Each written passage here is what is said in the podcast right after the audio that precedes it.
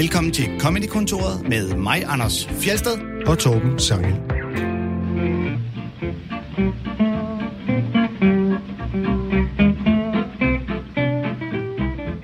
Det er den 56. udgave af Comedy-kontoret, og det vil vi fejre med at tale om heckler-comebacks.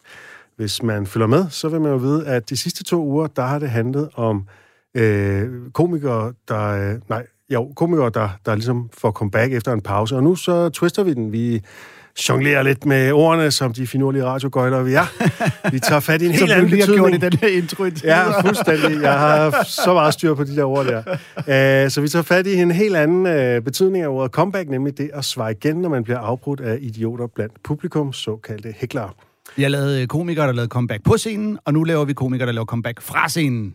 Sådan der. Det, Det det bliver jeg lige på. Det bliver i anden del af udsendelsen, fordi først så skal vi nemlig have præsenteret vores gæst, som er komiker og tidligere Danmarksmester Philip Devanché. Goddag, goddag. Velkommen til dig. Tusind tak. Tak, fordi jeg måtte være her.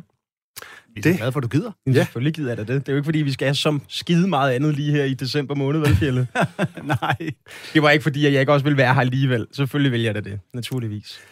Du, øh, du vandt øh, DM i stand-up i 2018, mm. Og året efter så lavede du så et stand-up show, der hed En rigtig mand. Åh, det er næsten rigtigt. Det er næsten rigtigt. Jeg vandt øh, DM i stand-up en måned efter, jeg lavede en rigtig mand.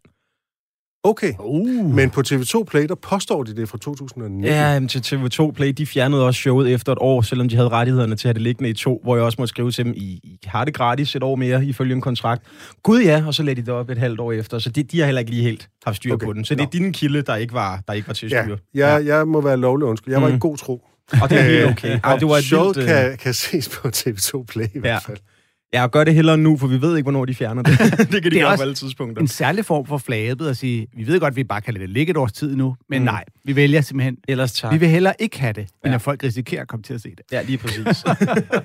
Men det, jeg egentlig ville spørge om, var ikke så meget om, hvornår det var Nej, fra. Men øh, øh, altså, kan du fortælle lidt om, hvad var ideen med det? Altså, en rigtig mand, det kunne, er, det, er det fordi, du er en rigtig mand? Eller hvad? Mm, det var tvivlen, tvivlen om, hvorvidt jeg er en rigtig mand, og hvad er en rigtig mand egentlig? Fordi at jeg kommer fra Vestjylland og har brugt en stor del af min ungdom i Slagelse, hvor en rigtig mand øh, i mangens optik er en mand, der ikke viser følelser. Han har dem sikkert, men han viser dem aldrig. Sådan en stor pumpet, lidt tatoveret. Og så gik jeg rundt med mine kammerater, som var sådan nogle gutter, og tænkte, jeg er ikke en af dem. Slagelse rendyrker rigtige mænd. Ja, lige præcis. Og så tænkte jeg, hvad fanden er en rigtig mand? Så, så det var undersøgelsen om, hvad er det egentlig, ikke? Og er jeg det?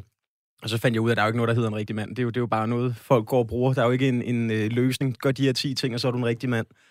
Så det var egentlig det, som, øh, som var ideen bag showet. Og så var det jo også bare mig, der skulle finde på en titel for endelig at kunne lave et show. Og, øh, for nu havde jeg gået og optrådt i, på det tidspunkt, 6 et halvt år. Så tænkte jeg, okay, nu kan det godt være, at vi faktisk skulle lave et eller andet, jo, ikke? Mm.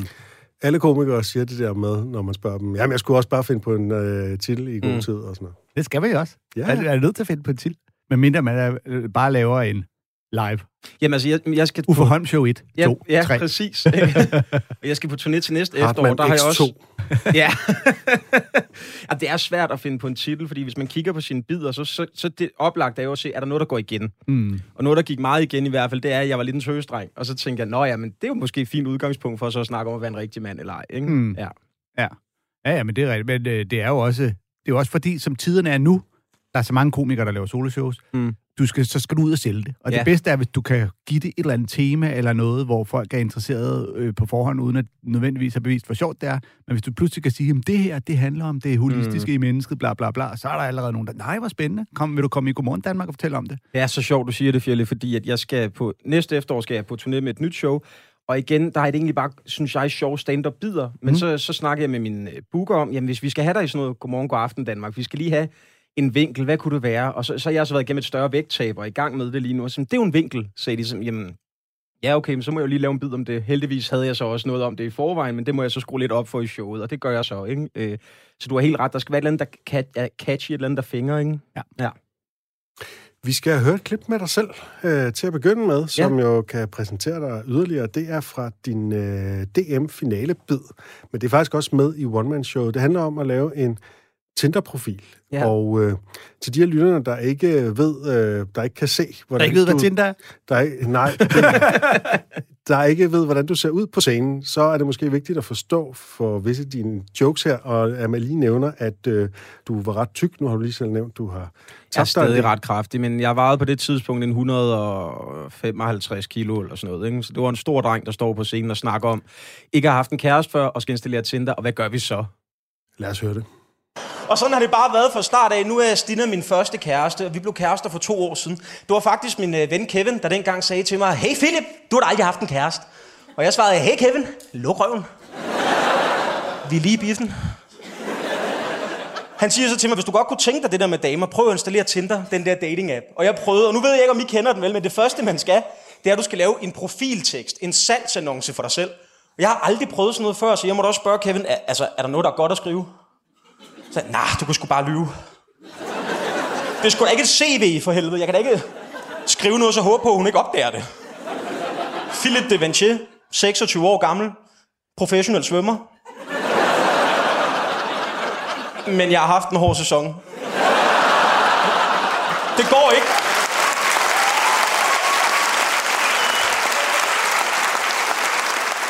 Det holder jo ingen steder vel, så hellere bare være ærlig. Nå, Philip de Vinci, 26 år gammel, uddannet skolelærer, øh, spiser op. ja, for hvis der er noget, kvinder vil have i dag, så er det en mand, der er imod madspil, og han er her, mand. Det kan jeg godt fortælle jer.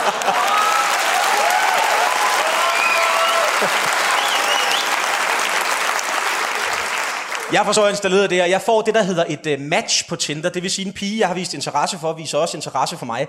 Så skal vi til at skrive sammen, og jeg har ikke prøvet det her før. Og jeg ved godt, det er pinligt at indrømme over for jer, ikke? Men jeg fik hjælp til nogle af beskederne af Kevin. Ja, jeg ved godt, det er pinligt. Også fordi, de skrev jo sammen i...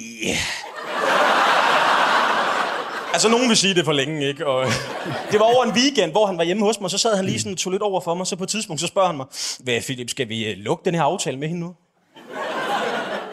Jeg aner ikke, hvad manden har aftalt på min vegne, så... Så siger hvad, hvad gør vi? Så siger jo, prøv at høre, hvis du godt vil sikre dig, at en kvinde i vore dage ved, at du er interesseret i hende, så sender du lige et dick pic. Det er så fedt at høre publikum, når man siger sådan noget. Alle kvinderne, der sidder, nej. Og alle mændene, der bare er helt stille, fordi de inde i hovedet tænker, ja. og jeg lukker den lige med det samme. Jeg har aldrig... Sindssygt, mand. Et penisbillede, det har jeg aldrig nogensinde sendt. Jeg har taget nogle stykker. Nå, man er vel en kammerat.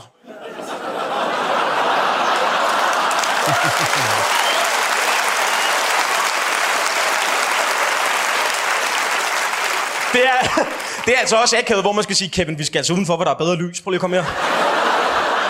Du er slet ikke Instagram-venlig. Okay, findes Kevin i virkeligheden? Philip? Nej, det gør han ikke. Det gør han ikke. øh, Kevin er en blanding af venner og veninder, som øh, er single eller har været i forhold, og som har givet mig nogle gode råd, og så har jeg bare taget de dårligste af rådene, og så tænkt, jamen, så er det dem, vi bruger i showet i hvert fald. For jeg kan jo ikke gå op og fortælle, hvad der faktisk virker. det går jo heller ikke. For det er jo ellers sådan en, en smuk Cyrano de Bergerac-historie, at han ligesom øh, en hel weekend øh, svarer på dine vegne, Ja. Kevin. Der. Ja, altså jeg har faktisk, jeg bruger Tinder lige for tiden, fordi at, øh, at øh, jeg ikke er i et forhold, og der er en pige, jeg matchet med, som har set det der klip, og som skrev, jeg skal bare lige høre, er det dig eller Kevin, jeg skriver med? Og det synes jeg, der var meget sjovt. Ah, det er i orden. Ja. Er det Kevin, der har skrevet det for hende, tror du? Åh, det ville faktisk være uhyggeligt, hvis hun havde en veninde, der skrev det her for hende, ikke? Åh, oh, nej. Morsomhed, Kevin. Ja. ja. Ja, det var for Øh, det hjemmefinalen. Nu siger du, at alle mænd, de, øh, de tænker, at dick pics er i orden. Det øh, er ikke helt mit indtryk. Det er jo nok også en, øh, en, en, sådan lidt en, en stramning, Det er du jo laver bare at skrue op. Det er da heller ikke sikkert, at alle kvinderne sidder og tænker, nej, der er nogen, der sidder og tænker, det kunne da have været rart. Bare med det, ikke? Jeg ved, jeg har, har, du, har, du taget, har du taget nogle dick pics? Øh, jeg har prøvet, ja, at tage nogle dick pics, og så har jeg kigget på dem og tænkt, jeg kan ikke finde den vinkel, som jeg synes fungerer lige nu. Der er ikke et filter, der er stærkt nok på min telefon til, at det, det bliver sådan, det skal være. men øh, i hvilken anledning har du taget de dick pics? Mm. Har du tænkt dig at sende dem til fremmede? kvinder? Nej, det havde jeg ikke. Det har været... Nå, et læbesøg. Åh, hvorfor sagde jeg ikke det, i stedet for, at jeg er virkelig på dyb vand. Nu sveder jeg alt muligt. Nej, øhm, det har været, hvis man har været i en lummer samtale, og man kan mærke, at øh, det kan være, der ryger et billede min vej, og så tænker man, det, det er da uhøfligt. Kan man så godt have noget? et parat, så man lynhurtigt kan svare? Ja, ja, når Kevin han skriver, det er det her, jeg mener, så skal jeg sige, er det det, du mener? så send tilbage. Men det er jo sjovt, hvordan du netop kan præsentere ting med dick pics, og folk griner øh, fuldstændig som om det er en ting, Mm. På trods af, at det, det, det, bør jo ikke, det bør jo ikke være en ting. Altså, det er, Nej, men det, det er jo en ting. Altså, det kan, de fleste kvinder, øh, som jeg kender, har modtaget dick pics, altså uopfordret. Ikke? Ja. Så hold dog op med det, Torben. Jamen, præ- det, det skulle jeg ikke fra mig. Jeg har aldrig, jeg har kun sendt dick pics på Altså, jeg skal øh, sige, da jeg- instændig opfordring, vil jeg sige. Da jeg fik Og jeg en forstår ikke dem, som tænker, om at være med her. Der, der var det første, jeg tænkte, at jeg åbner den ikke. Jeg får Kevin til at åbne den her besked, inden jeg betragtede dit De ja til at være med i programmet som en opfordring til at sende dig et dick pic, for det er jo logikken selvfølgelig. Ja. De gækkebreve, Torben, dem skal du Nej, men jeg forstår seriøst ikke, altså hvorfor folk de tænker, at, øh, at fremmede mennesker, de vil blive øh, glade, hvis de får en, altså fremmede kvinder som regel, at de vil Nej. blive glade, hvis de får et dick pic. Ja, Altså det jeg forstår jeg ikke logikken. Det ved jeg virkelig Især også ikke. fordi, altså det er jo efterhånden sådan, det er jo netop fordi, det er så meget en ting, og alle siger, at det er nederen. Hvorfor, altså tænker man så, man ved godt, det er nederen, og alle synes, det er latterligt, men hende her, hvis hun ser min pik, så vil hun jo virkelig Mm. ændre mening om, Altså Hvad mit take på dick pic dick pic eller er, at hvis du sender ud til 100, der er en grund til, at der er nogle gutter, der bliver ved med at gøre det her. Der må jo, altså hvis du sender til 100 kvinder, der må være en, der åbenbart tænker, det, det, det var rart, du sendte det, og det må vel være en succesret nok for nogle mænd, altså der er dumme nok til at tænke, så bliver jeg jo bare ved, hvis der er en, Jeg der har svarer endnu ja. til gode at høre, bare høre om en kvinde, som synes, det var fedt at modtage dick pics fra en fremmed mand. Men igen, så må du sende til mere end 50, Torben. Du, du må bare sende til nu. Ja. Men det Sender er, til men det, er, men det er, altså, nu din joke, udover at det fungerer jo super godt, men det er også, du, du, du etablerer en form for setup, der giver så mange udveje, ikke? Jo. Altså, både, du ved, jeg har taget mange, øh, nu laver du den jo selv til, at du har taget den på andre. ja, ja, ja, man er jo en kammerat, ikke? Muligvis er den bedste øh, udvej, men jeg, jeg tænkte jo straks, at du ved, jeg har taget mange, fordi at nu er du tyk, så det er noget med, at den eneste måde, jeg selv kan få lov at se Mm. den på. Ja, ja, eller- ja. Øhm, der er så mange gode. Øh, også at, at din ven Kevin, der svarer hende, altså du ved, nå Kevin, så må du sende hende det dick pic, eller du ved, Ja, ja. ja men der er mange veje at gå. Det er jo generelt med jokes. Det var den her, jeg prøvede på en open mic, og tænkte, det er den, der fungerer bedst for mig. Den Jamen, passede den er så også også, kan man Den sige. Det her var jo en del af mit one-man-show, en rigtig mand, så det var også det, der passede ind i, i, i showet om. Selvfølgelig har jeg da ikke sendt et dick pic. Jeg, mm. jeg, jo- jeg er jo for øh, følsom en fyr til at gøre sådan noget, men jeg er alligevel for flink til at sige nej, hvis en kammerat spørger, mm-hmm. om jeg vil hjælpe ham, ikke? Så, Ja. så du ved, det, det passer jo sammen i den helhed, ikke? Altså hele DM-sættet er jo som sagt, så lavede jeg one-man-show en måned inden DM-finalen, så, så øh, det, det var jo... Altså, jeg havde ikke tid til at lave DM-sæt ved siden af, vel? så det blev, det blev kogt ned til DM. Mm. overskudsagtigt. Jeg har sgu ikke tid til det DM. Jeg vandt det så alligevel. Og det var det travleste halvår i mit liv. Kun en måned efter DM, så står jeg så skal lave comedy og står og tænker, okay, hvad er de næstbedste minutter fra mit one-man-show? Og kan jeg nå på open mic? Altså, det var, det var stressende, men det var også sjovt. Meget. Og øh, apropos sjovt, for nu at lave en øh, rigtig smart overgang her, mm-hmm. jeg kan noget med ord, jeg kan det, øh, så øh, har du også valgt øh, et klip, jo. Du har et klip med som det sjoveste nogensinde, et klip med Martin Nørgaard. Og det er lidt interessant, fordi øh, du er faktisk, så vidt jeg husker, den tredje, der har Martin Nørgaard med. Ja. Og ellers så vælger folk sådan øh, udenlandske klip.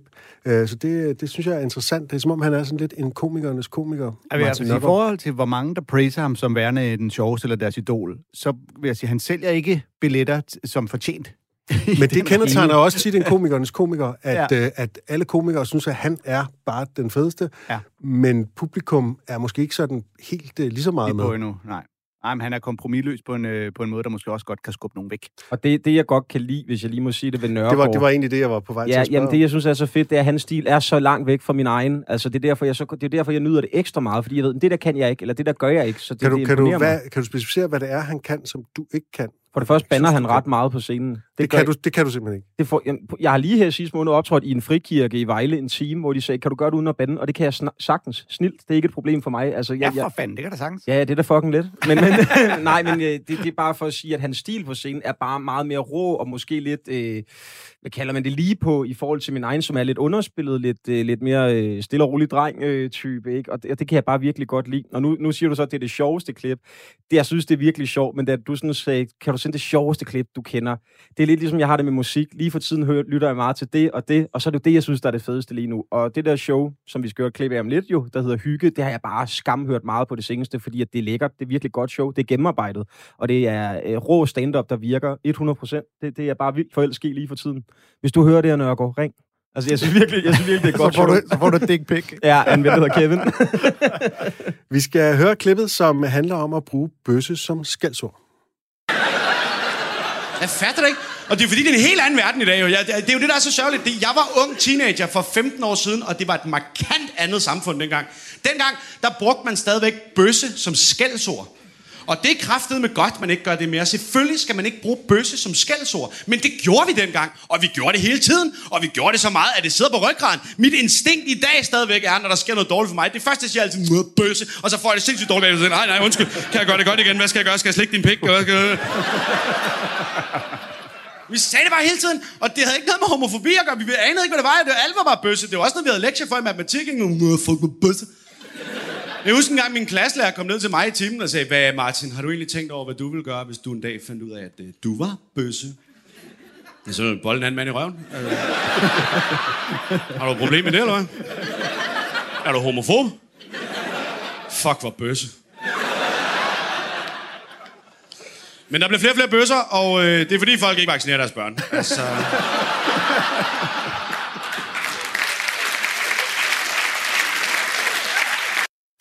Det er interessant, hvordan han afmonterer bøsse som skældsord ved samtidig at tage det bogstaveligt, ikke? Jo, lige præcis. Og så er det bare fedt, altså for sådan en fyr som mig, at, at høre det der, for det ligger som sagt så langt væk fra min stand-up. Jeg synes, det er fedt, han har taget det der. Hvis jeg fandt på, jeg vil lave en bid om ordet bøsse, så var, havde jeg ikke kunne finde på at gøre det sådan der, for han gør det så aggressivt og direkte, og alligevel så er det bare så cool. Der er ikke noget forkert i det, han siger jo. Det er bare fedt. Og det, det er bare imponerende. Han er bare så dygtig, Nørgaard. Han er virkelig, virkelig dygtig. Så jeg, ligesom Fjelle sagde, for jeg synes også, det er vildt, at han ikke har en, en 100.000 billetters turné, fordi at, at det, det synes jeg jo, manden er dygtig nok til jo. Så, mm. så det, det, det er derfor, jeg også uh, sendte det klip i dag, for jeg synes bare, det er så godt et show. Altså, det er hans show indebrændt også, det forrige show før, det er også i øvrigt også, ikke? Det, han er bare dygtig. Altså, det er simpelthen bare det, jeg vil sige. Men det, og, og, og, og, han, og det er jo en fuldstændig øh, korrekt, snorlige pointe, han siger med, at hvordan man kan komme til at bruge ordet bøsse eller lignende i nedladende sammenhæng, selvom man er fuldt bevidst om, at det ikke er okay. Mm. Men at det simpelthen er så inkorporeret, så at der er jo selvfølgelig stadig nogen, der siger det, fordi er bøsser og klamme, men der, altså, jeg kender det selv, det der, men man nogle gange kan sige, ah, fucking, hvor er det fucking gay. Øh, eller jeg, jeg kan også komme til at sige, hvis jeg ser en eller anden til, at fede idiot, og så bagefter mm. komme i tanker, åh, oh, så står der en tyk en ved siden af mig. Ja. Det, det var jo ikke, fordi det var sådan ment, det Hvorfor kigger du mig i øjnene, da du kom på det eksempel? Jamen, det er ikke Torben ked af det. men, men det er jo, altså, og det er jo klart, det er jo den, øh, hvad skal man sige, det, erkendelsen er jo det første skridt, ikke? Mm. Og det er jo den, han viser her. Jeg er godt klar over, det er forkert, og jeg skammer mig over, at jeg endnu ikke har fået lagt det fra mig. Og så må man jo håbe, at det er noget, der kommer med tid. Øh, desværre er det sådan, øh, ved jeg fra en pålidelig kilde, at øh, bøsse stadig bliver brugt som skældsord i skolegården. Øh, ja, ja, ja, selvfølgelig. Øh, ikke alle, altså der, og der er jo ligesom også en, en modtendens, ikke? men der er stadig sådan mange, for hvem det ligesom er uden, og netop også nede i de klasser, hvor de ikke ved, hvad det er. Mm. Altså det er simpelthen bare, man lærer ligesom bare, at det er et skældsord. Og det, og det er jo det samme med øh, racistiske øgenavn, ikke? Øh, så kan der jo stå en politiker og sige, at der er fucking perker eller lignende, og så bagefter så bliver hun forholdt det, og så skal jeg øh, nævne ikke navn, det kunne jo være alt muligt, det er helt hypotetisk situation. Sådan et, jamen det var jo ikke øh, nedladende med. Jamen det var det, jo, det var det jo alligevel, fordi du sagde det jo om en, du ikke du synes var irriterende. Der var så mange andre ord, du kunne valgte at bruge, men ja. du valgte det her. Ikke? Og i min datters skole, der kunne hun også komme og fortælle om, hvordan, Nå, nu er den her dreng øh, blevet drillet, fordi han er øh, sort i huden, ikke? Og, mm. Øh, og senere skal vi jo tale om heckler-comebacks, hvor der jo også er en del sådan politisk ukorrekte svinere, kan man sige. Ikke? Ja. Øh, men hvor det ligesom bare, det bliver, det bliver, der bliver det taget på et mere, til et mere abstrakt niveau, hvor man på en eller anden måde... Øh, altså, hvor det ikke er regulær mobning af nogens svagheder, men hvor det snarere bliver sådan en, en abstrakt sådan spillen på sådan kliché-drille-måder ja.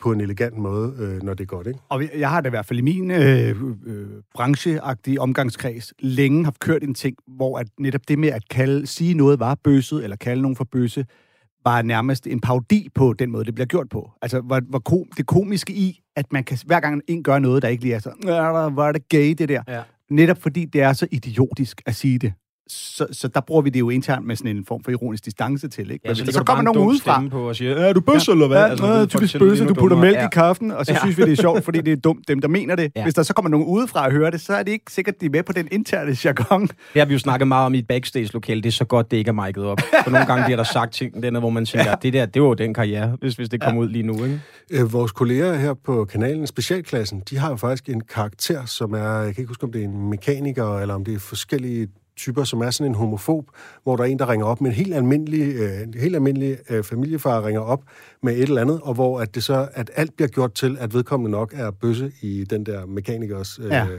øjne, ikke? Altså som, som øh, hvor der ligesom igen, der bliver gjort grin med selve det, at man overhovedet bruger det som skældsord, fordi det er, det er i sig selv en latterlig ting at gøre. Ja. Og øh, hvad hedder det, Bill Burr har også en bid om det der med folk, der har sådan, Ej, are you fucking faggot? Øh, Hvor han netop sådan, bruger du en paraply? Er du bange for at blive våd, din Ja. ja. klamme bøsse? Hvad gør du så med den paraply, når du kommer hjem? Står der den op i røven, eller hvad? Altså det er bare overdrive de der idioter, de der homofobiske idioter, så meget som overhovedet muligt. Ja. Jeg Hørte, vil du så- den, hørte du den geniale overgang, han faktisk lavede til dig der, Jeg Torben? skulle lige til at sige det. Apropos Bill Burr, så skal vi høre et klip med ham. Ej, men så nåede jeg slet ikke bare lige at, okay. at gøre opmærksom på, hvor jeg perfekt, jeg synes, at Nørgaards, øh, hvad vil du gøre, hvis du var bøsse, svar er, Så vil jeg bolle en anden mand i røven. det er, det, det kan ikke gøres bedre, for det, det er jo, det er jo præcis Det, han ville gøre. Man ville gøre Ja. ja. hvis man, altså, jeg ved ikke, hvordan joke ville have fungeret, hvis han havde sagt, så vil jeg lade en anden fyr bolle mig i røven. Det, ville, det er jo den samme, men det vil alligevel lige give den en lidt anden twist. Og så er det bare leveringen. Den er så altså 100% skarp, hvis du vil bolle en anden mand i røven. Altså, det, det er jo sagt som selvfølgelig. Altså, hvad vil du gøre, hvis du er sulten? Ja, så vil jeg spise noget mad. Altså, selvfølgelig vil jeg da det. Det er da klart. Ja, lige præcis. Og apropos levering, for nu at øh, desperat forsøge at lave en elegant overgang til næste klip, så skal vi. Så har du valgt som din yndlingskomiker øh, Bill Burr, og Ja. det er du bestemt ikke enig om. Men Nej. øh, folk har lidt forskellige svar på, hvorfor Bill Burr ligesom er et, et forbillede for dem. Hvad synes du det især er, at øh, Bill Burr han kan? Jeg ser meget på et stand-up-komiker som sådan en karakter i et spil, hvor man kan bygge på deres egenskaber og deres evner, du ved. Så gør man et eller andet, og så efter noget tid har du tjent noget experience, så kan du blive stærkere, så kan du blive klogere, så kan du løbe hurtigere. Og når jeg kigger på Bill Burr, så er han en karakter, som kan rigtig meget. Han kan, hvis han vil, lave nogle stemmer. Han kan agte. Han kan lave storytelling. Han kan også være kvik, altså på at lave en hurtig one-liner. Jeg ser ham bare meget komplet, og og det, det er derfor, jeg rigtig godt kan lide ham. Jeg, jeg prøver selv eksempel kunne være for mit liv. Jeg har det sidste halvandet år eksperimenteret rigtig meget med at sidde ned på scenen på en stol, fordi jeg har en idé om, at det gør min storytelling bedre. Det er jeg så ved at komme væk fra nu og vil øve mig i min act-outs, altså de fakter, man kan lave på scenen, fordi jeg gerne vil prøve at blive komplet, og, og det synes jeg virkelig, han er. Det er derfor, jeg ser så meget op til Bill Burr. Det er Michael Schødt-modellen, og altid øve sig på det, man er dårligst til, i stedet for bare at dyrke det, man er bedst til. Jamen sikkert, ja. Nå, men øh, vi skal er, det, høre... er, det, er det hans model? Det er, og det kan man høre i Sange samtaler om stand-up med okay. Michael Schødt. Der fortæller han om uh, den model, som han i en 10-årig periode, de første 10 år af sin uh, komikerkarriere, har benyttet sig af. Også frist at claime, at claime, claime modellen, at øve sig på det, man skal blive bedre til. Jeg tror, det er også sagt af mange skolelærer til skolehjemsamtaler. Nu synes jeg, I banaliserer en, uh, en metode. Men okay, vi skal, apropos storytelling, høre en lidt uh, voldsom historie om en mand, der hopper ud af en helikopter. I saw this story down in Orange County, right? Down in Orange County, California, this guy gave helicopter tours for 30 years. 30 years without incident. Hands the business off to his son. The American dream. I built it up for 30 years. Here you go, son. Make the family and the family name proud. All right, Dad, I love you. Right? this poor kid, five days in, he's supposed to give a tour to a couple. Only the dude shows up. The kid thought it was weird, but he's like, I need the money. I got to give him a tour, right? So he takes this guy up. 10 minutes into the tour, the dude fucking jumped out. Yeah. Five days in.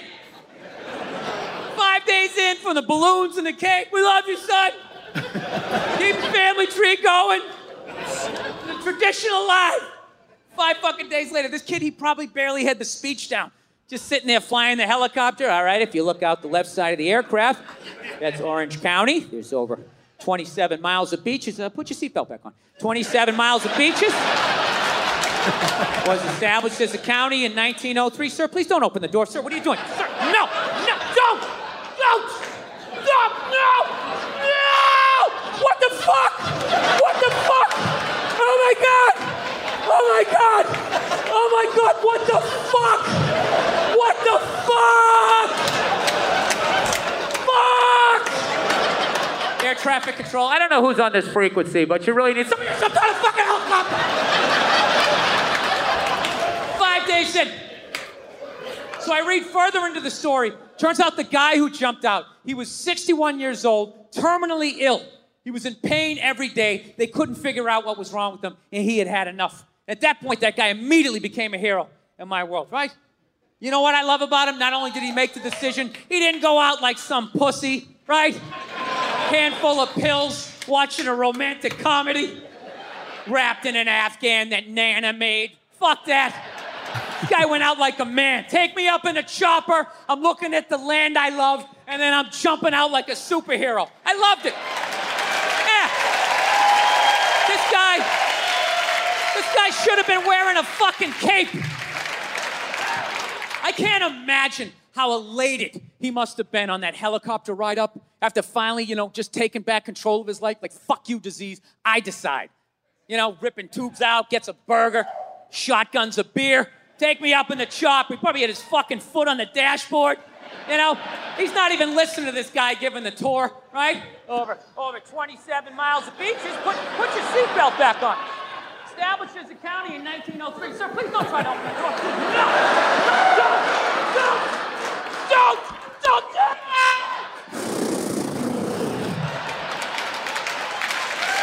Incredible! But here's the thing. I left out one small thing. There is one small thing. The guy fucking lived. yeah. Yeah, they were, they were out over the ocean, 500 feet up. You'd think that would be enough. So I'm thinking he must have gone in like Greg Louganis, like no splash. Just but witnesses said it looked like a dummy was falling out of the air. So that sounds like a hell of an impact. I think he accidentally did the most epic 500 foot belly flop in the history of jumping out of a helicopter, you know? But that didn't change what he was trying to do. Where his heart was, I still love this guy. I just feel bad for him. Just on the way down, he's got to be thinking three more seconds of pain, two more seconds. Wham! Ah!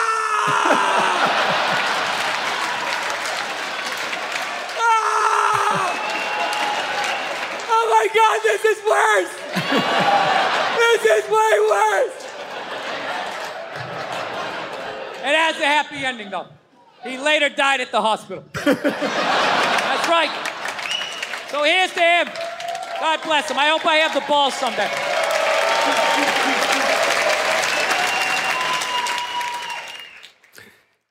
Det vildeste ved den her bid, synes jeg, det er, at man får den samme historie fra to forskellige synsvinkler, og hvor han bruger mikrofonteknikken. Altså det vil sige, først så får man det fra helikopterpilotens synsvinkel, hvor den anden ligesom er i baggrunden, og mm. han sådan er i gang med at tale, og så anden gang, så holder han mikrofonen væk, sådan så den tale, det bliver i baggrunden, og, og øh, man ligesom ser det, altså man flytter simpelthen lydligt perspektiv til øh, passageren i stedet for. Ja. Det, altså jeg kan ikke huske, at jeg nogensinde har set det brugt så virtuost i Nej, det er stand-up, der. genialt. Og når han gør det som øh, helikopterpiloten, det kan man jo ikke øh, se, hvis man lytter til Comedy Kontoret på Radio 4.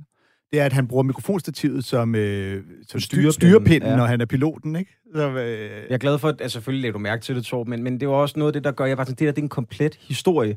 Altså, han, for, han, han bruger nærmest alt, hvad han kan for at gøre det her fedt, ikke? Og, og Man som, ser det nærmest for sig, det bliver filmisk. Men du kan bare høre, når han hopper ud af helikopteren, han laver puslen der, fordi nu lander han lige om lidt og sådan noget, ikke? Og, og selv når han viser, hvordan han med hånden lander, blup, det viser han med hånden, hvordan han styrer ned og stille og roligt bobler op igen på overfladen. Han gør bare alt rigtigt i den her. Det er act det er storytelling, han har alt med, og hans, hans turnering af stemme, det hele fungerer mm. bare. Det er derfor, jeg synes, det der det er en komiker, som, som er komplet. ja, hans act-out er helt sikkert hans spidskompetence. Ja. Ja. Altså, det er virkelig et paradedisciplin for Bill Burr. Han, Helt øh, vildt. Han laver de her. Han er sind- sindssygt god til det. Det er jo lidt farlig grund, han betræder, ikke?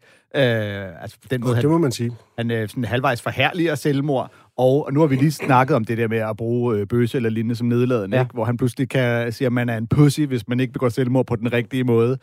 Hvilket i sig selv, altså det er sgu også lidt... Øh, Men det er jo også det, der vil blive. Han har aldrig været bange for at være lidt kontroversiel. Altså, Nej. jeg ved ikke, om I har hørt hans øh, podcast, Monday Morning Podcast. Der får han altså også nogle gange sagt nogle ting, især når han skændes med hans kone Nia i den, hvor man tænker, jamen altså, du, du, du gør dine ting. Noget af det gør du fandme godt. Det må man altså også give ham, ikke? Men alene holdningen om, at man er en, øh, du ved, en pussy, hvis ikke man begår selvmord på en måde, der øh, tydeligvis kommer til at inddrage alle mulige andre uskyldige mennesker i det, Ja. og folk, der kommer til at se det, og øh, skal skrabe en op, hvis ikke man øh, lander ud på vandet, så... Øh, det, det synes jeg sgu er lidt vildt. Jeg ved ikke, om det er mig, der bare er blevet gammel og woke, men jeg bliver sådan lidt, ah, okay, ro på.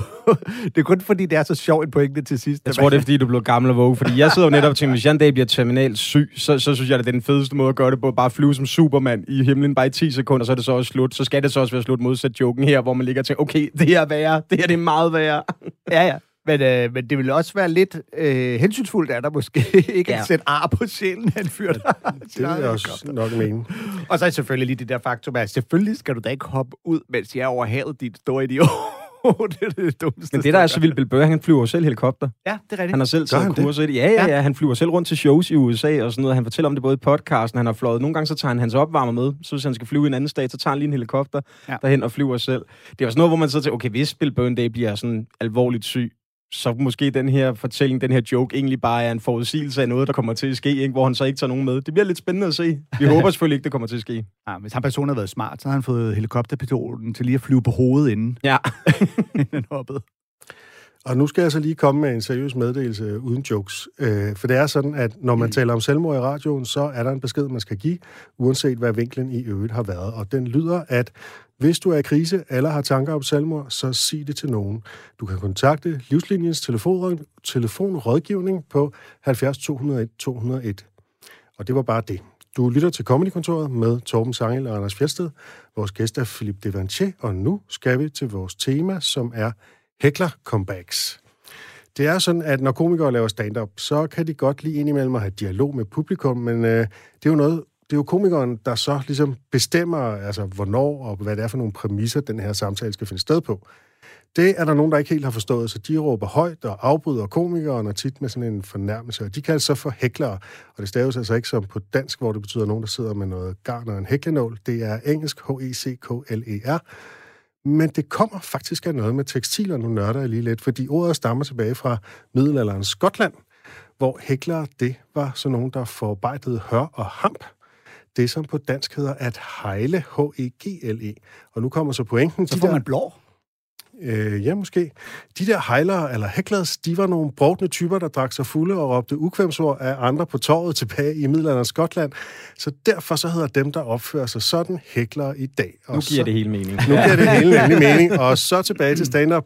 Nej, men hvis du øh, hejling og øh, øh, er hør hamp, så, så får du blår, som er det, pjerret spiser. Og så ved I, hvorfor det er, han spyrer ild og æder så mange pandekager efterfølgende.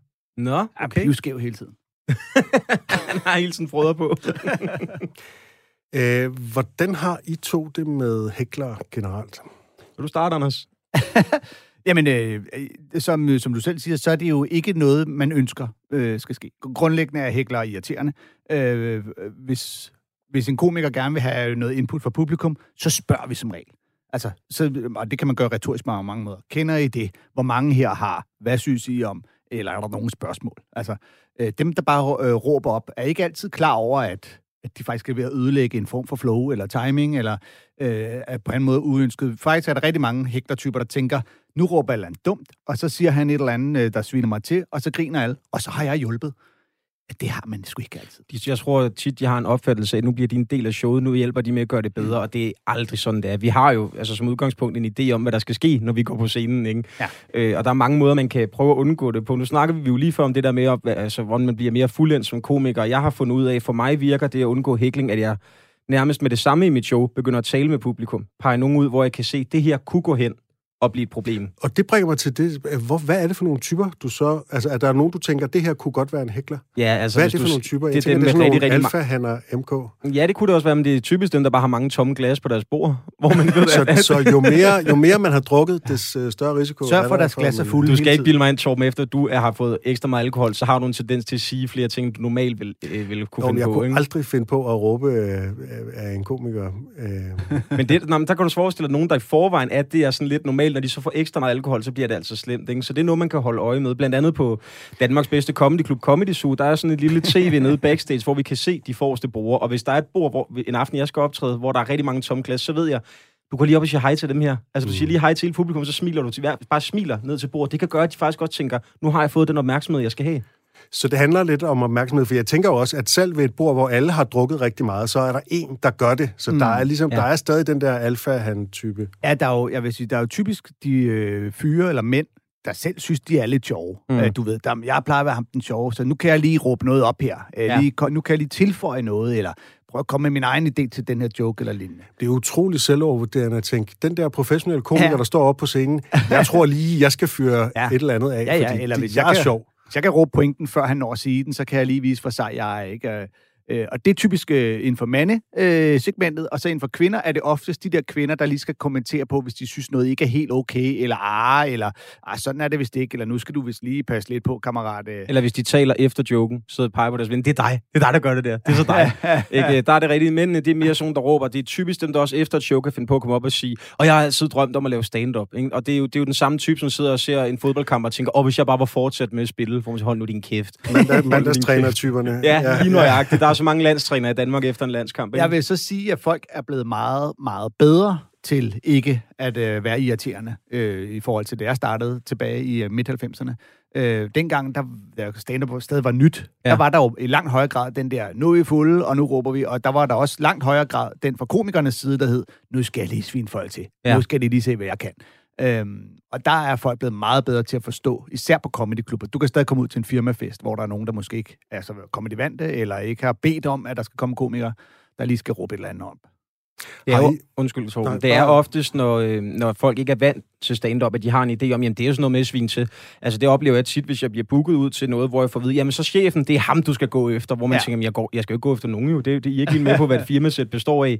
Og det er samme med, hvis jeg bliver ud til konfirmation, jeg bliver ud til alle mulige arrangementer. Der er altid lige lidt stikord om, så kan du lige drille lidt med det her, ikke? Og det, det er jo også sjovt, selvfølgelig er det det, at man har lært at gøre det, men, men da, hvis man ikke er vant til at se stand-up, så er det klart, så har man heller ikke et udgangspunkt for det. Og jeg tror, det man ofte ser på klubaftener, og, og, og måske har set flere one-man-shows, de ved godt, jeg skal ikke gøre noget at komme. Jeg skal købe en billet og sætte mig, og så grine med. Ikke? Så, mm. så jeg tror, det er også noget, der er sket med tiden, kontra dengang du begyndte, Fjelle, hvor du sagde, at- stand-up var nyt. Det var jeg også. Jeg var tre, ikke? Øhm, så, ja. så der er jo sket meget siden, da heldigvis publikum har opdraget sig selv med stand-up'en. Og øh, som du selv siger, Philip, så kan det nogle gange godt være en øh, smart måde, det der med at gå på scenen, og så starte med lige at få slået fast. Det er mig her med mikrofonen. Ja. Nu øh, skal du lige, hvis du ikke holder kæft, så bliver du til grin i hele den her sal. Så risikerer man, at den, der tager imod, er så fuld, at han ikke forstår, at Mm. hey, alle griner af dig nu. Du er ikke en held nu. Men hvad, hvad foretrækker du at gøre? Fordi jeg, jeg kan mærke, hvis jeg står på scenen, og der er en, der er ekstrem for meget, så lader jeg faktisk personen bare løbe med den, indtil jeg kan mærke, at nu er resten af publikum også så meget imod ham, at uanset hvad jeg siger til ham nu, så synes de, det er fedt. Jeg har lige Ja. oplevet det forleden optrådte jeg på en klubaften i Roskilde, hvor der var en, der var sådan rimelig meget op at køre. Han hed selvfølgelig Tony. Og øh, var det på Guldland? nej, det var det ikke. Øh, Jeg siger ikke, hvor, hvor det var, for det var et dejligt sted ellers. Ikke? Øh, Men så spørger man, hvad laver du egentlig til hverdag, når du ikke øh, er her og udlægge et show, eller står og sælger hus forbi? Og du, der kunne jeg mærke, hvis jeg havde sagt det for tidligt, mm. så havde publikum sagt, du, du, nu går du ikke med hjemløs også, nu er du tavle. Men fordi jeg sagde det ham på det her tidspunkt, hvor der var flere, der havde vendt sig om og kigget irriteret, så fik jeg publikum med mig, og faktisk også lukke ham ned i samme ombæring. Ikke? Ja. Øhm, og han kom selvfølgelig hen bagefter og ville have et billede, hvor man også tænkte, du, du, øh, du er irriterende. Nej, er Han, han har slet ikke forstået... Øh, Han har jo netop tænkt, Åh, så, så, så havde vi noget pingpong, dig og mig, hvor ja. Man tænkte, nej, jeg, jeg, havde, jeg, jeg var nødt til at være overbærende og være pædagogisk med dig, fordi dine forældre ikke slog dig nok som barn. Altså, der har været et eller andet der, der har gjort, at jeg blev nødt til at tage et hensyn til dig, ikke? ja. Har I nogle forberedte hækler-comebacks, som I sådan benytter af? Ja, der, der er jo sådan en, øh, en form for fællespulje. Øh, det plejer man at betragte den som. Ja. Ja. var der i hvert fald for år tilbage, dengang jeg startede. Øh, der var alle de der klassikere, og jeg skal ikke engang kunne sige, hvem der har været den første til dem, men øh, du ved, åh, jeg kan også huske, da jeg fik min første øl, eller husk nu Den ikke... har Steve Martin lavet på, Okay. på sit andet album. Ja, jamen, så kan det sgu være, det er ham, der er ophavsmand til den. Ja. Øh, du ved, og drik ikke på tom hjerne, og, øh, og der er en del af sådan nogle, øh, nogle klassikere, som man jo så til gengæld skal passe lidt på med i dag, fordi de efterhånden er så brugt, så det duer ikke at sige det til en, hvor alle publikum tænker, nå ja, den har vi da hørt før. Ej, det er. Der er nogen, der går lidt rundt. Det er det samme, hvis man er open mic-vært, og man lige skal forklare konceptet. Der er også bare nogle jokes, der følger med. Det er det som hvis man hører en, der taber noget på gulvet. Man siger, hov, du tabte en ørering, hvis du har et glas på gulvet. Ja, altså, der, eller, er, eller et glasøje, eller... der er så bare- mange af de ja, der ja. klassiske, ikke? Øh, Jeg, jeg bruger ikke... Altså, jeg, jeg prøver øh, som udgangspunkt bare at lade være, og så snakke med personen. For det er jo ligesom, det er en person, der bare hungrer efter opmærksomhed. Så hvis der bliver råbt et eller andet, så jeg, Nå, hvad hedder du? Nå, okay, hvad laver du så? Du ved, så prøver jeg sådan at give dem den opmærksomhed, og så forhåbentlig kunne forvente den til at lave lidt pis med dem. Godmodigt sjov, ikke? Har I nogle eksempler på sådan nogle helt særlige hækler-historier eller hækler-comebacks? Fra vores eget liv, eller sådan generelt? Ja, ja, fra jeres egen øh, komikere. Altså, jeg har engang optrådt for et, et selskab bestående af rockere, øhm, hvor at, øh, jeg laver min første åbner, en one-liner. Der tænker man sig lige om, inden man svarer igen, gør man ikke? Ja, det var først, da jeg kørte hen til jobbet, en veninde ringede og sagde, ved du godt, hvem hende, der fylder 30 er? Og så nej, sgu da. Og så sådan, "Åh, okay, men det er så den her familie. Blondie er ikke et damenavn. Nej. oh, Nej, øhm, så går jeg på og laver min første one-liner, får et klap og tænker, okay, det er slet ikke så slemt. Så laver jeg en joke mere, får et klap mere og tænker, perfekt. Og så rejser kæresten til den her 30-årige dame, og han er bare et brød. Han hedder Buller, og han er bare alt andet end Buller. Han er bare stor, ikke? Så rejser han der så op og råber, rygepause. Og så står jeg der og har lavet to jokes, og jeg har 25 minutter, og nu så rejser selskabet sig op og går. Det er den værste form for hækling, jeg har oplevet, for det er hækling, der bare fik selskabet til at rejse og gå ud og ryge. Så stod jeg med fem mennesker, som kendte familien, og man kunne mærke, at de her fem mennesker, de er kun med, fordi de ikke turde sige nej til invitation. Og så går jeg hen til dem og siger, er de altid sådan? Ja, de er altid sådan, sagde de. Og du ved, det er det værste eksempel, jeg har oplevet på hækling. Der fik selskabet til at gå. Det var frygteligt. Men ventede du så på, at de kom tilbage og Nej, jeg gjorde sgu. Jeg skyndte mig væk. Og så i øvrigt, det er en historie, jeg har med på scenen for tiden. Ham der buller, han løftede mig op udenfor. fordi han skulle vise hans venner, hvor alfa han han var. Så han kom ind, og det var fandme sjovt, så gav han mig en krammer, og så løftede han mig imens, bare for at vise hans venner, han kunne. Ikke? Det var sådan noget, man havde det er nok derfor, jeg vil tabe mig nu. Jeg vil i form, så jeg kan finde ham der en eller anden dag, og så løfte ham og sige, nej, hvor du sød, lille ven. og det er altid, når du ikke vælger til, jeg skal være så tyk næste gang, at han ikke kan løfte mig. det var mit udgangspunkt den dag, at jeg besluttede mig for, at jeg ville tabe mig. Der gik jeg jo på ja. væggen og så et tal, så tænkte jeg, det gider jeg ikke se igen, så nu taber jeg mig, eller så tager jeg på. Ja, det er valget, ikke? Ja. Ah, shit, mand. Fik du penge for det? Ja, det gjorde jeg. Altså, okay. hun var også hende, der hyret mig, var også lidt en undskyldning for sig selv, da hun kom ud og sagde, det, det, jeg ved ikke, hvad jeg skal sige. Så sagde jeg helt ærligt, jeg ved heller ikke, hvad jeg skal sige. Så du nåede kun at fyre to jokes af? Jeg fyrede to jokes af, og det var så det. Og kæft en idiot, ham der. Ja, det var frygteligt. Jeg, øh, jeg har jo, jeg, jeg kan jo en del, jeg har jo stået på øh, Comedy Zoo for øh, nogle år siden, hvor der var et øh, polterappen-selskab øh, i salen. Øh, sådan noget otte fyre eller sådan noget. Som rigtig fuldbrådende typer, ikke? Som øh, under den første komiker bare var alt for meget, og generet og forstyrret, og, øh, og det var en lidt mere urutineret komiker, der blev lidt hyldet ud af den, ikke? Og da jeg så går på bagefter, der, så, så går jeg lidt til dem, du ved. Så, så kommer der nogle, øh, du ved, giver dem lidt igen, og får dem til at holde kæft. Og, øh, men de bliver ved, og de bliver ved. Og på et tidspunkt, hvor de bare hæklede længe nok, så siger jeg til dem, prøv at høre, jeg kan godt mærke, det her, det nytter ikke noget, jeg sviner dem til, fordi det, så jeg, prøv, jeg kan godt forstå, I til en polterappen, og I vil jo hellere hygge jer og være fulde. Hvad med, I bare øh, går ud i caféen? Så sæt jer derud, drik en bajer. Jeg, jeg giver den første bajer, så skal I ikke forstyrre os herinde, og I kan få lov at slutte alt det ved og sådan noget. De var sådan, ja, åh, kom ud, øh, og, og så siger jeg land, og så på et tidspunkt, så øh, en af dem, han siger så, øh, hvorfor øh, skriver du ikke bare hjem, hvor du kommer fra? Og det, jeg, blev, jeg blev så paf. Altså, ja. jeg blev sådan helt, fordi øh, jeg har ofte, på grund af mit øh, mørke hår, øh, fået at vide, at folk tror, jeg kommer fra et andet land, øh, og, og dealet med den del af racisme gennem mm, min skolegang. Ja. Men altså for publikum, og så tydeligt, jeg blev sådan helt fuck, mand. Så, så jeg blev sådan lidt mundlam, og vidste ikke lige... Altså, Med hvor, dit fremmedartede navn, Anders Fjeldsted. Lige, og jeg var sådan, hvor tror du, jeg kommer fra? Øh, og hvor han var sådan, ja, sådan noget Pakistan eller sådan noget lignende, ikke? Ej, og der blev skønt publikum også sådan lidt, ah, hår, hår, ja. ikke? Altså sådan lidt... Men prøv at se, hvor langt du kom ud for at prøve at bevare den gode stemme. Du tilbyder en det at give en øl ja, lige til de her røvhuller. Og jeg, og, og jeg siger, altså, jeg hedder Anders Fjeldsted. Altså, kan du umiddelbart blive meget mere dansk end det? Og så er en, der vil sige, jeg skulle aldrig høre nogen Fjeldsted der, noget øh, slagelse, eller hvor fanden de nu ja. var fra, ikke? Og så kommer der nogen fra publikum, øh, to kvinder, kvinder der, der går ned og siger, så er det ud. Det ja. kræfter mig ikke mere. Så går vi ud. Den ene, det er så Anders Nielsens kæreste, Trine, som øh, hun kan jo være skræmmende nok i sig selv. Hun er rimelig tof. Ja, så, øh, og, og, og det, var, det var sådan et, det var sgu meget godt, det ikke var dørmanden, der skulle bokse med de idioter. Fordi, øh, altså det kunne sikkert, men, men der var der en anden respekt, ikke? Så, de så var, var det blevet decideret boks med præcis, de her idioter. og så, øh, ja. så de, og publikum er sådan, ja, kraftede mig ud af, og så, nå, så begynder de så småt at rejse op, og så siger jeg så til den ene, øh, ligesom de skal til at gå, så siger jeg så, fordi, siger jeg, ja, så kan vi jo se, hvem det er. Så er der nuskeskrid hjem, hvor de kommer fra. Og, øh, og der kan jeg så se ham, den ene, så vender han sig om og går op mod scenen. Lige, og jeg når lige at tænke, åh oh, nej, nu skal jeg flygte ned backstage og sikre mig, at jeg får låst døren. Og ej, det bliver så krumme det her. Men han vender så alligevel om at gå ud, ikke? Og så ja. ender det kraftet med, at de kommer op og slås med dørmanden derude, og øh, nogen inden for caféen. Og, Ej, hvor sindssygt. Ja, men alt er idiotisk, og han, og den ene fyr kommer tilbage senere for at hente det dankort, han havde efterladt i baren til deres regning og sin jakke, og de må sige, nej, nej, det har vi givet til politiet, der var her tidligere. Og, Ej, hvor øh. sindssygt, Anders. Ja. Ja, det, det, var, det var en ret ekstrem ja. øh, tilfælde. Men, men og igen en, hvor alle fra publikum var jo med på, at det var dem, der var idioterne. Så da de er gået, og jeg er sådan lidt, jeg ved simpelthen ikke, hvad for en joke vi skal fortælle, for at komme tilbage efter og få fokus tilbage, for alle lige nu lytter til smadret glas øh, ude i garderoben. Det var alle jo helt med på, haha. Og så går mm. Dan Andersen på efter mig og, og får et fantastisk show, fordi så var hele sagen fordi bare han er så hvid. jeg er endelig en rigtig ejer. Ja. øh, men fordi alle bare var med på, det her var en nederen situation for alle. Ja. Vi vil gerne hjælpe til, at det skal blive godt. Det er også det, det fedeste, han hækler. Det er faktisk, når publikum rundt om, ja. rotter sig sammen med komikeren på scenen, fordi så er vi alle sammen enige om, okay, du er idioten, ikke? Ja. ja. Skal vi høre nogle af dem, vi har... Ja, vi skal prøve at høre, se om vi kan nå et par klip. Uh, det første, det bliver sådan uh, virkelig old school, altså sådan den klassiske måde, det er ligesom at have sådan nogle heckler comebacks, som er, man får, man får en fornærmelse smidt op på scenen, og så smider man dem tilbage igen. Mm. Det er sådan en grand old man, der hedder Rodney, Rodney Dangerfield, Anders. Kan du lige sige et par ord om ham? Det kan jeg sagtens. Han, han er jo, som sagt, øh, var grand old man, øh, øh, stand-up-komiker fra øh, way back, og, øh, og havde den her meget øh, øh one-liner-agtige stil, og var god til at pingponge og smide, smide, smide nogle sviner. Og så blev han mest kendt for sin øh, I get no respect catchphrase, som var sådan en øh, måde at, at sætte en præmis om, øh, op om, hvor, hvor lidt respekt han egentlig fik. Lad os prøve at høre et par eksempler med ham. Good I tell you, huh? You figure life out, will you? What do you do for a living? What do I do for a living? I get guys for your sister, okay? What can I tell you, huh? How big is your dick? How big is my dick? Don't you remember?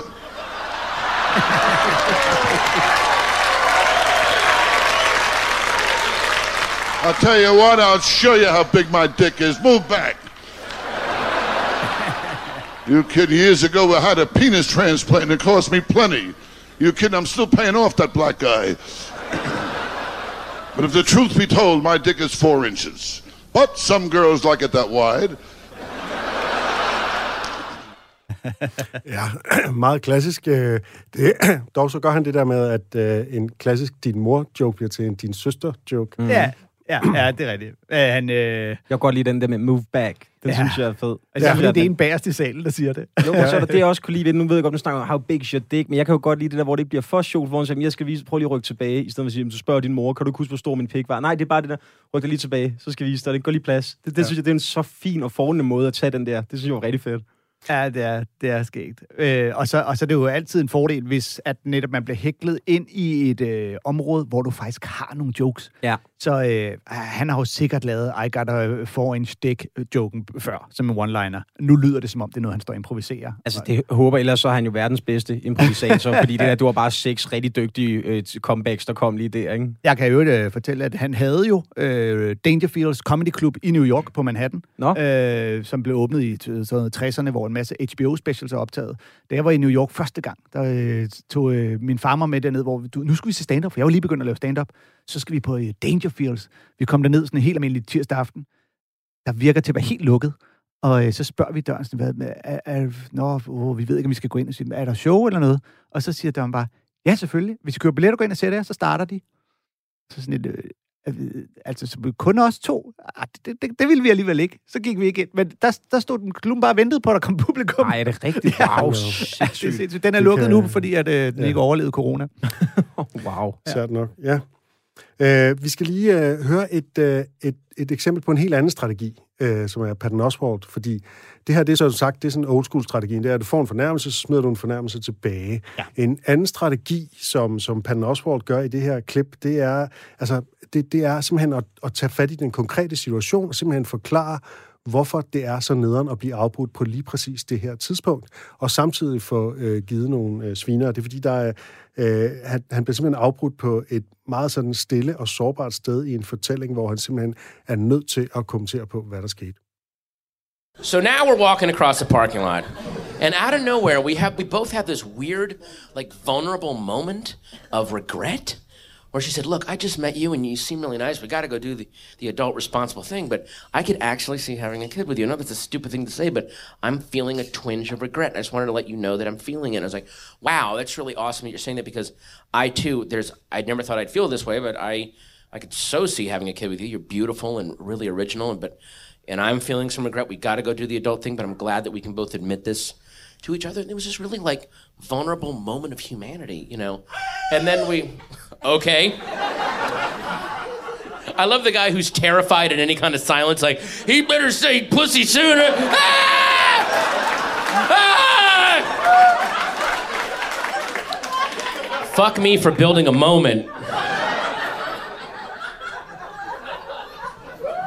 I'd hate to see you at a funeral or a wedding or something, you know? You skinhead! Oh shit, I'm sorry. I'm sorry, man. It was like it was like 20 seconds of quiet. I thought I was gonna shit my pants. I got real scared. My mom told me if it's, if it's quiet for more than 50 minutes, then goblins come out of the ground and rape you. So I thought I would. I was trying to protect everybody by yelling. I thought I would scream and make a weird chicken noise, scare the rape goblins away. I'm really sorry, man. I thought it was good. Fucking. Oh, dude. Is everyone okay?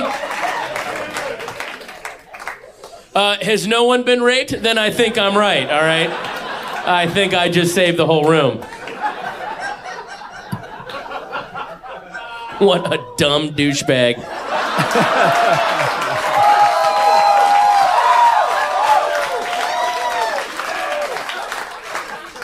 there's a whole fucking turn.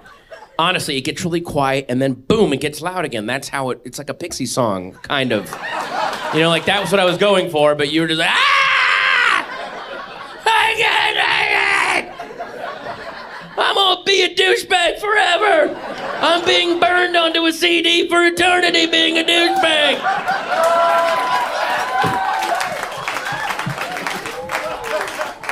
When my body returns to the loam and the cities are but dust, alien civilizations will know that I am a douchebag. They will know. The neuromancers walking the wastelands will carry high my standard of douchebaggery. I am one with the gods.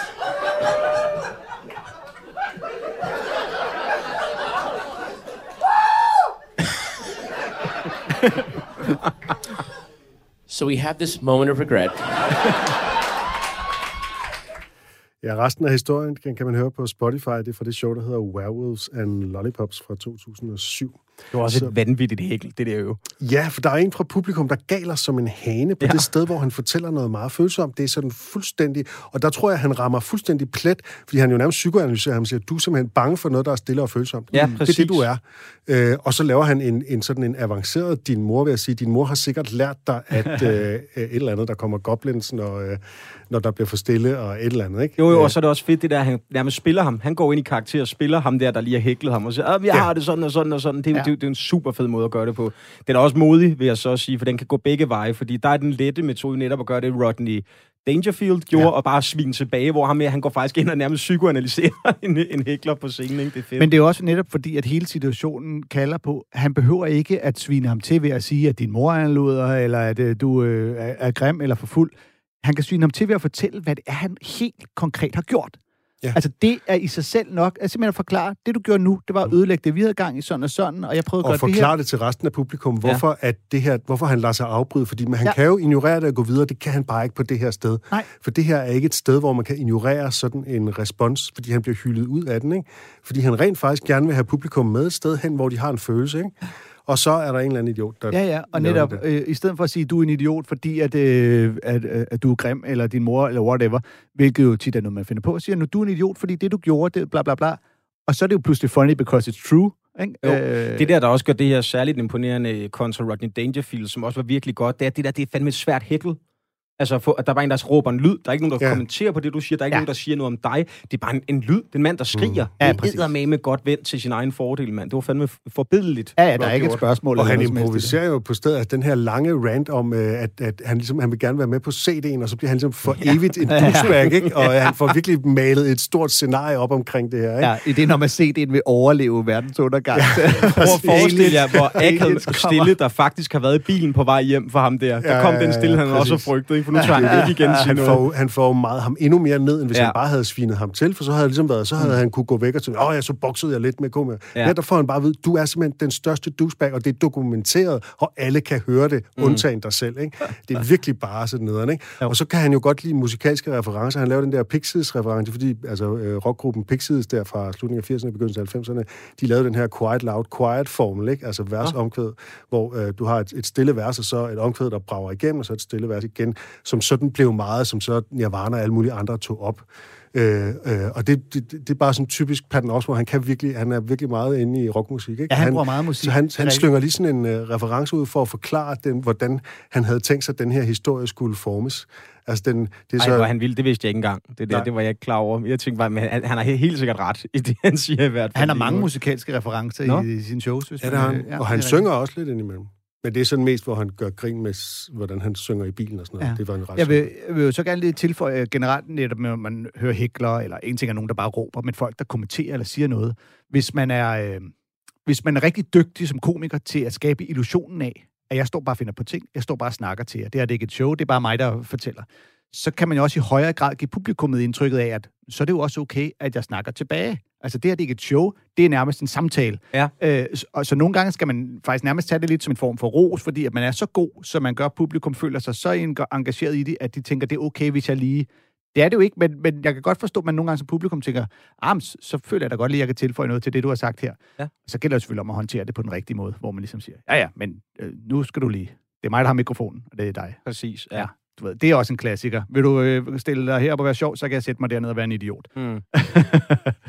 så øh, vi når ikke flere hækler øh, comebacks i, i den her omgang. Det kommer i, øh, i Hvor, part... hvor, hvor Jimmy Carr i alt det her, gutter? Uh, han kommer næste uge. Han kommer i, okay, øh, i part 2. Ja. uh, vi, vi laver øh, 10 afsnit med hækler specials. der er materiale nok til det, tror jeg. Og I skulle invitere en hækler. Til at komme ind og hækle os. Ja. Ja. Hold nu kæft, Torben. Jeg synes, jeg er blevet hæklet rigeligt uh, i den her udsendelse. Åh, det er ked af. Den skjorte er hæklet. Øh, vi skal takke af fra, fra Radio 4. Øh, Comedy Kultur i dag. Tusind tak, Philip, fordi du gad at komme og være gæst. Tak, fordi I inviterede mig. Det var hyggeligt at være med. Det er så dejligt at have dig med. Så øh, vi har både øh, hørt på comebacks og på øh, Philip Divanchi jokes, og øh, vi høres i, ved igen i næste uge, når der er mere Comedy Kontoret på Radio 4. Hej hej. Hey.